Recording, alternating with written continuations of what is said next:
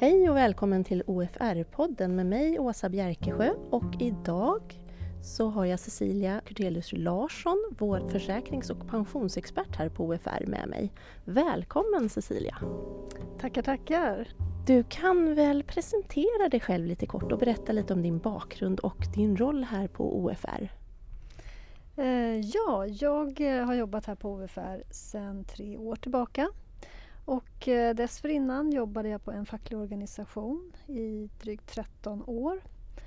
Och eh, jag började med pension och försäkringsfrågor ehm, ja, kan det vara 10-11 år sedan någonting, 2006.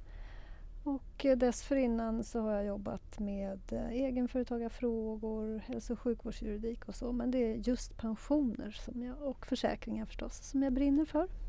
Du och Svante Ulini arbetar med tjänstepensionsavtalen här på OFR och jag undrar hur ser pensionssystemen ut på statlig respektive kommunal sektor? De är ganska lika varandra kan man säga. För på både kommunala och statliga sektorn så finns det två typer av avtal. Och eh, det är premiebestämt och förmånsbestämt. Systemen är, ja, de är lika varandra så att säga. Det är i detaljerna som de skiljer sig åt. Men premiebestämt, det menas då med att eh, arbetstagaren får en eh, premie avsatt och det är då utifrån vad man har för lön. Och på lönedelar upp till 38,4 ungefär så får man 4,5 procent. Och på lönedelar över det får man 30 procent. Och det gäller både på kommunala och statliga sidan. På statliga sidan så finns eh, därutöver ålderspension flex som det kallas för, som är 1,5 procent. Och den kan man då använda för att antingen gå ner i arbetstid i slutet av yrkeslivet eller också att öka på sin ålderspension.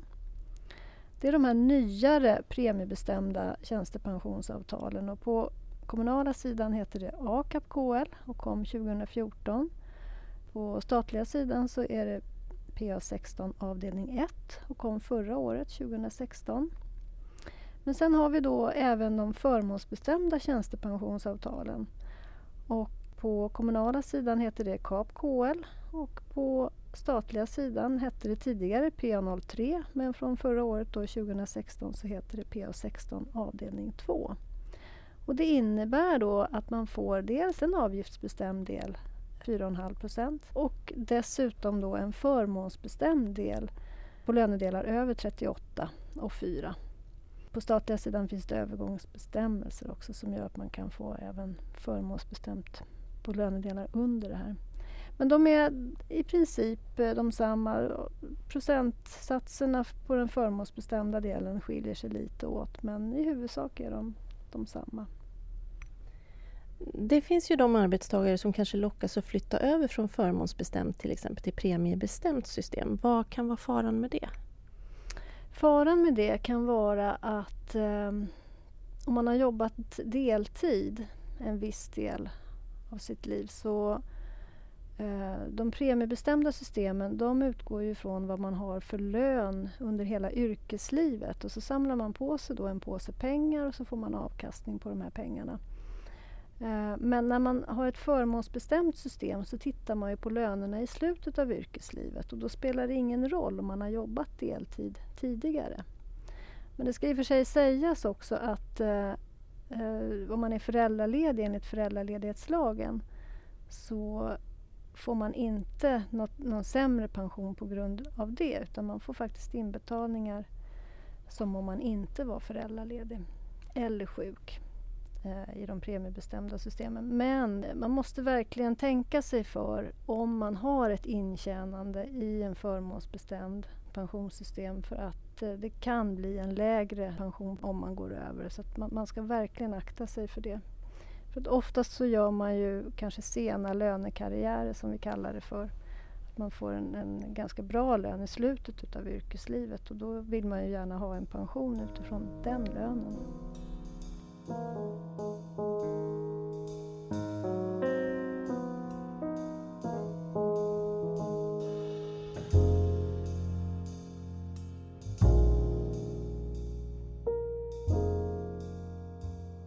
Om man byter jobb mellan sektorerna, mellan kanske kommunalt och går till statligt, vad behöver man tänka på då? Ja, då behöver man tänka på om man nu har premiebestämt system, eh, om man är ung då och eh, har gått in i ett premiebestämt system från början så är det egentligen inga problem att byta sektor. Då fortsätter man samma typ av intjänande på det nya jobbet.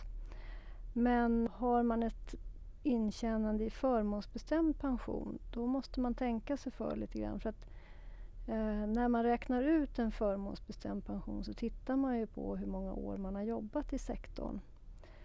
Och byter man sektor, kanske från stat till kommun, då, då kan det bli en lägre pension. Man behöver fundera lite kring hur eh, pensionen blir och, och kontakta sin fackliga organisation framför allt men även sin arbetsgivare.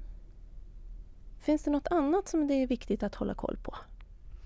Ja, någonting som jag faktiskt inte har sagt det är ju att de här premiebestämda systemen de gäller ju automatiskt för vissa åldersgrupper och på kommunala sidan där AKAP gäller, det gäller ju för de som är födda 86 och senare. För de som är födda före 86 då är det ju det förmånsbestämda pensionssystemet som gäller och då är det KAP-KL. På statliga sektorn då gäller det premiebestämda systemet för de som är födda 88 och senare. Och eh, för de som är födda före 88 gäller PA16 avdelning 2, då, det vill säga det förmånsbestämda systemet. Sen en annan sak som kan vara viktig att känna till det är ju att pensionsavtalen också innehåller ett efterlevandeskydd. Arbetstagaren avlider och så finns ett skydd som en efterlevande pension. Arbetstagaren kan också bestämma om den här avgiftsbestämda delen ska innehålla ett återbetalningsskydd som det kallas för. Och då vid dödsfall så kommer hela kapitalet att betalas ut till efterlevande. Men det är bara vissa efterlevande som eh, kan ta emot de här pengarna och det är inkomstskattelagen som styr det. Det här efterlevandeskyddet, är det någonting som de efterlevande behöver själva ta kontakt för att få ut också eller är det någonting som sköts med automatik? Ja, de efterlevande ska kontakta arbetsgivaren absolut när det gäller den här efterlevandepensionen. Och när det gäller eh, återbetalningsskyddet i, i de här försäkringarna som, som man har då om man har valt fonder till exempel eller en traditionell pensionsförsäkring eh, för sitt sparande, ja då är det ju till eh, det, det försäkringsbolag som, har, ja, som håller i placeringarna så att säga. Sen är det så på statliga sidan så kan arbetstagaren inte välja placering för hela kapitalet utan en del går in i ett obligatorium som det kallas för och det är då traditionella pensionsförsäkringar.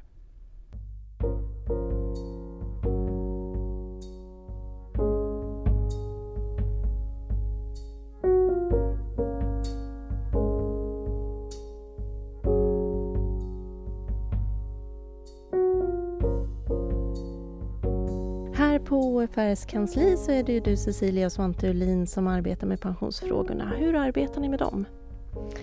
Ja, vi har ju förhandlingsmandat ifrån de förbund som är kopplade till oss och eh, vi förhandlar med arbetsgivarorganisationerna på kommunal sektor är det SKL och Pacta och på statlig sektor är det Arbetsgivarverket. Så att vi förhandlar nya pensionsavtal och försäkringsavtal och utvecklar de avtalen genom förhandlingar också.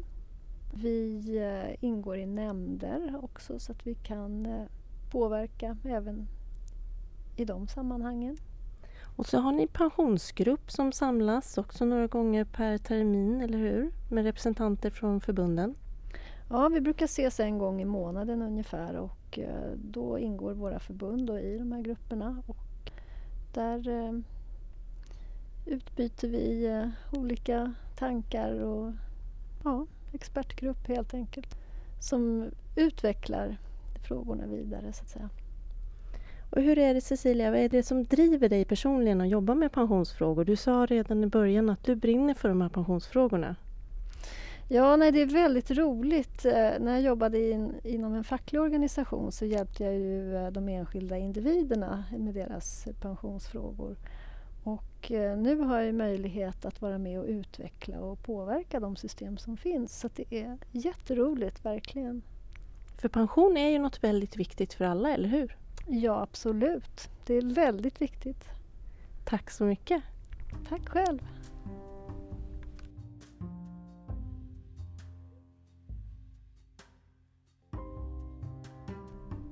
Du har lyssnat till OFR-podden och mer information finns på vår hemsida ofr.se. Och musiken den har vi tagit från Free Music Archive. Tack, hej!